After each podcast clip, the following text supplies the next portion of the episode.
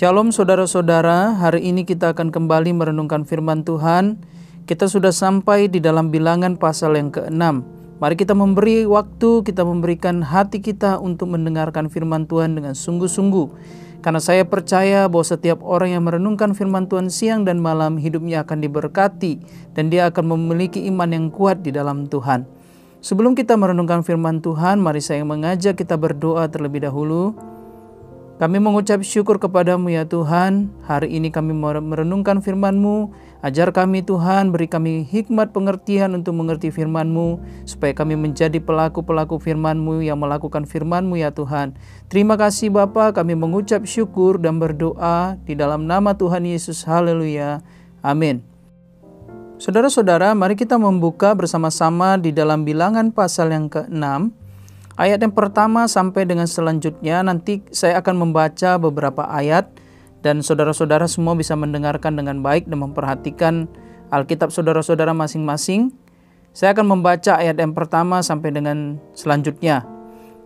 Begini firman Tuhan, Tuhan berfirman kepada Musa, Berbicaralah kepada orang Israel dan katakanlah kepada mereka, apabila seseorang laki-laki atau perempuan mengucapkan nazar khusus, yakni nazar orang nazir untuk mengkhususkan dirinya bagi Tuhan, maka haruslah ia menjauhkan dirinya dari anggur dan minuman yang memabukkan. Jangan meminum cuka anggur atau cuka minuman yang memabukkan dan jangan meminum sesuatu minuman yang dibuat dari buah anggur dan jangan memakan buah anggur baik yang segar maupun yang kering. Selama waktu kenazirannya, janganlah ia makan sesuatu apa pun yang berasal dari pohon anggur, dari bijinya sampai kepada pucuk rantingnya. Selama waktu nazarnya sebagai orang nazir, janganlah pisau cukur lalu di kepalanya. Sampai genap waktunya ia mengkhususkan dirinya bagi Tuhan, haruslah ia tetap kudus dan membiarkan rambutnya tumbuh panjang. Selama waktunya ia mengkhususkan dirinya bagi Tuhan, janganlah ia dekat kepada mayat, mayat orang. Bahkan apabila mati ayahnya ataupun ibunya, saudaranya laki-laki ataupun saudaranya perempuan, janganlah ia menajiskan dirinya kepada mereka sebab tanda kenaziran bagi Allahnya ada di atas kepalanya. Selama waktu kenazirannya ia kudus bagi bagi Tuhan. Tetapi apabila seseorang mati di dekatnya dengan sangat tiba-tiba sehingga ia menajiskan rambut kenazirannya, maka haruslah ia mencukur rambutnya pada hari pentahirannya, yaitu pada hari yang ketujuh haruslah ia mencukurnya. Pada hari yang kedelapan haruslah ia membawa dua ekor burung tekukur atau dua ekor anak burung merpati kepada imam ke pintu kemah pertemuan. Maka haruslah imam, imam mengolah yang seekor menjadi korban penghapus dosa dan yang lain menjadi korban bakaran dan mengadakan pendamaian bagi dia. Oleh karena dia telah berdosa dengan berada dekat mayat, pada hari itu juga ia harus menguduskan kepalanya. Ayat yang ke-12 dan mengkhususkan waktu kenasirannya bagi Tuhan, ia harus membawa seekor domba jantan berumur setahun menjadi korban penebus salah. Hari-hari yang sudah lewat dianggap batal karena rambut kenazirannya telah menjadi nazis. Nah, saudara-saudara memperhatikan di dalam bilangan pasal yang ke-6, mungkin banyak di antara kita tidak terlalu familiar dengan ayat ini. Bahkan kita mungkin bertanya-tanya apa itu sebenarnya nazir dan lain sebagainya. Nah, saya akan menjelaskan sedikit terlebih dahulu mengenai nazir. Seorang nazir ialah orang yang dikuduskan bagi Tuhan.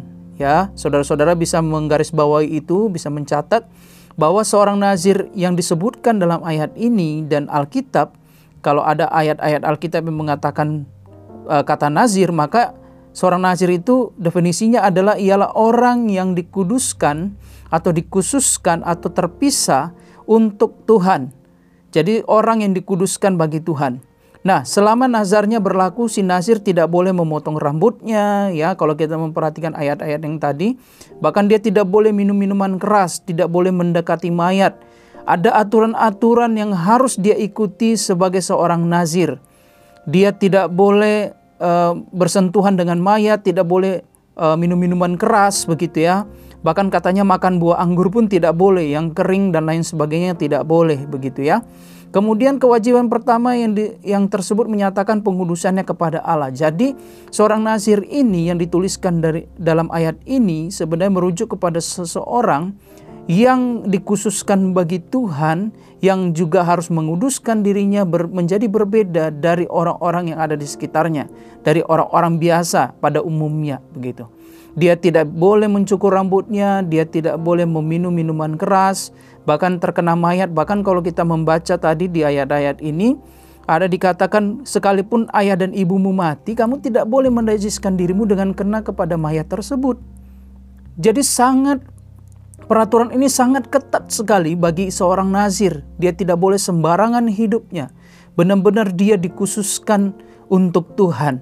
Nah, yang menjadi pertanyaannya adalah mengapa sampai sedetail sampai begitu ya uh, seorang nazir ini harus menjaga kekudusannya. Apakah Allah itu sedang mengekang dia dan lain sebagainya? Sebenarnya jawaban yang paling tepatnya adalah karena melalui peraturan-peraturan yang Allah berikan di dalam bilangan pasal yang ke-6 ini, Allah menginginkan seorang nazir ini fokus kepada Allah.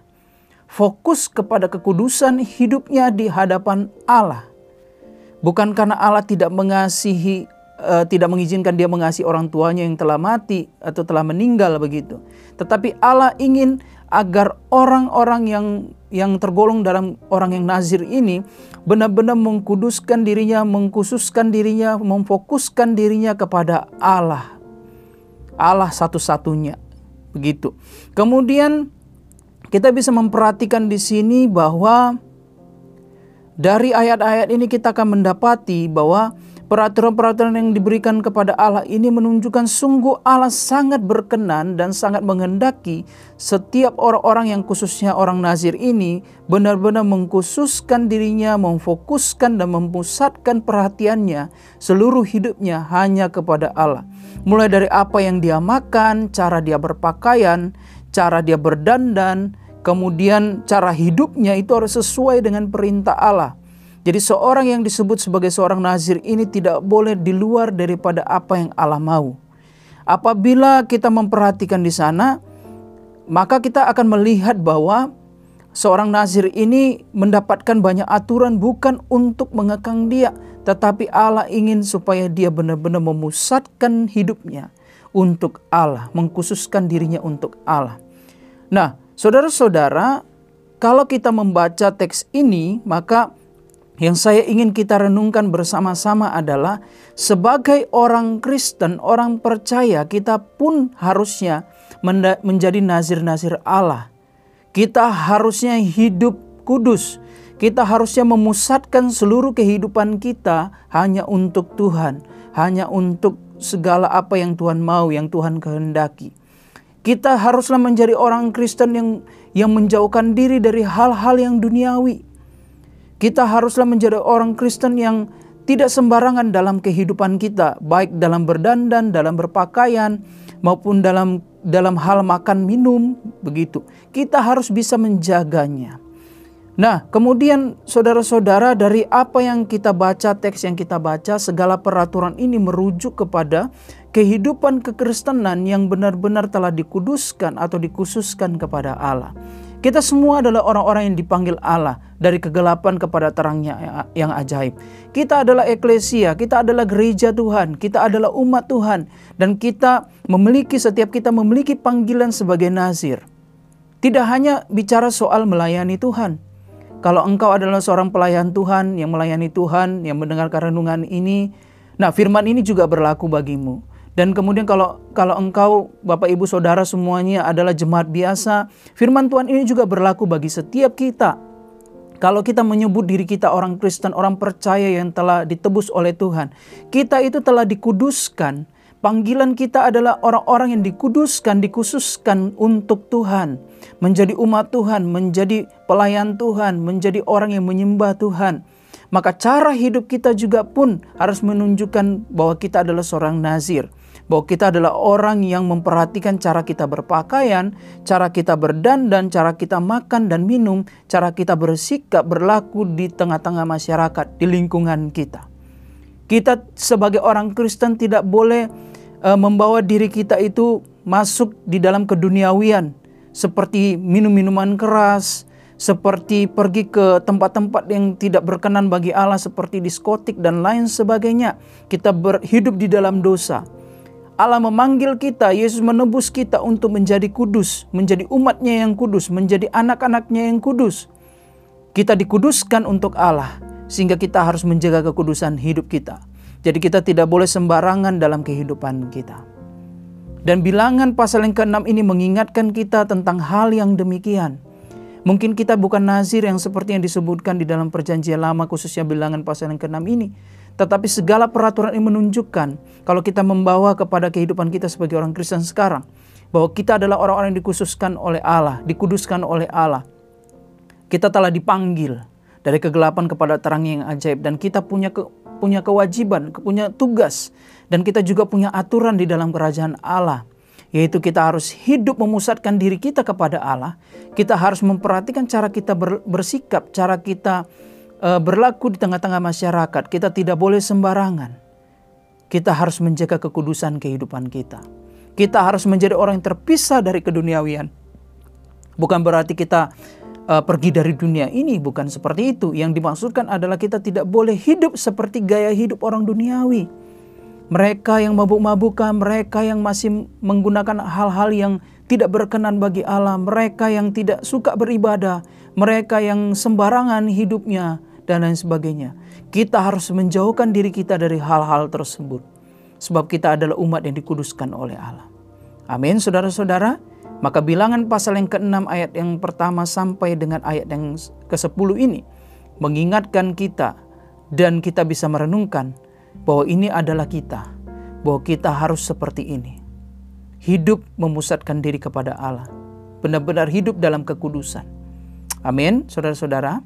Demikian renungan yang saya bisa sampaikan buat kita semuanya. Mari kita bersatu di dalam doa.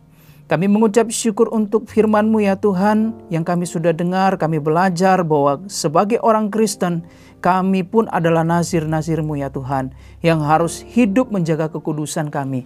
Yang kami adalah orang-orang yang telah ditebus, kami orang-orang yang yang Tuhan telah kuduskan, yang Tuhan telah khususkan untuk kerajaan Allah. Entahkah kami melayani Tuhan atau tidak, apakah kami hanya jemaat biasa, tetapi setiap kami yang percaya kepada Tuhan, yang ditebus oleh Tuhan, adalah umat Tuhan yang dikuduskan, yang dikhususkan, seperti Nazir. Dan kami Tuhan belajar juga bahwa sebagai seorang Nazir Allah, di akhir zaman ini sebagai seorang yang telah ditebus, dikuduskan oleh Allah. Kami harus menjaga kehidupan kami, memusatkan diri kami kepada Allah. Kami harus menjaga hidup kami untuk uh, agar kami tidak sembarangan, kami tidak menjadi orang-orang yang duniawi ya Tuhan. Terima kasih ya Tuhan, kami mengucap syukur dan berdoa di dalam nama Tuhan Yesus. Haleluya. Amin.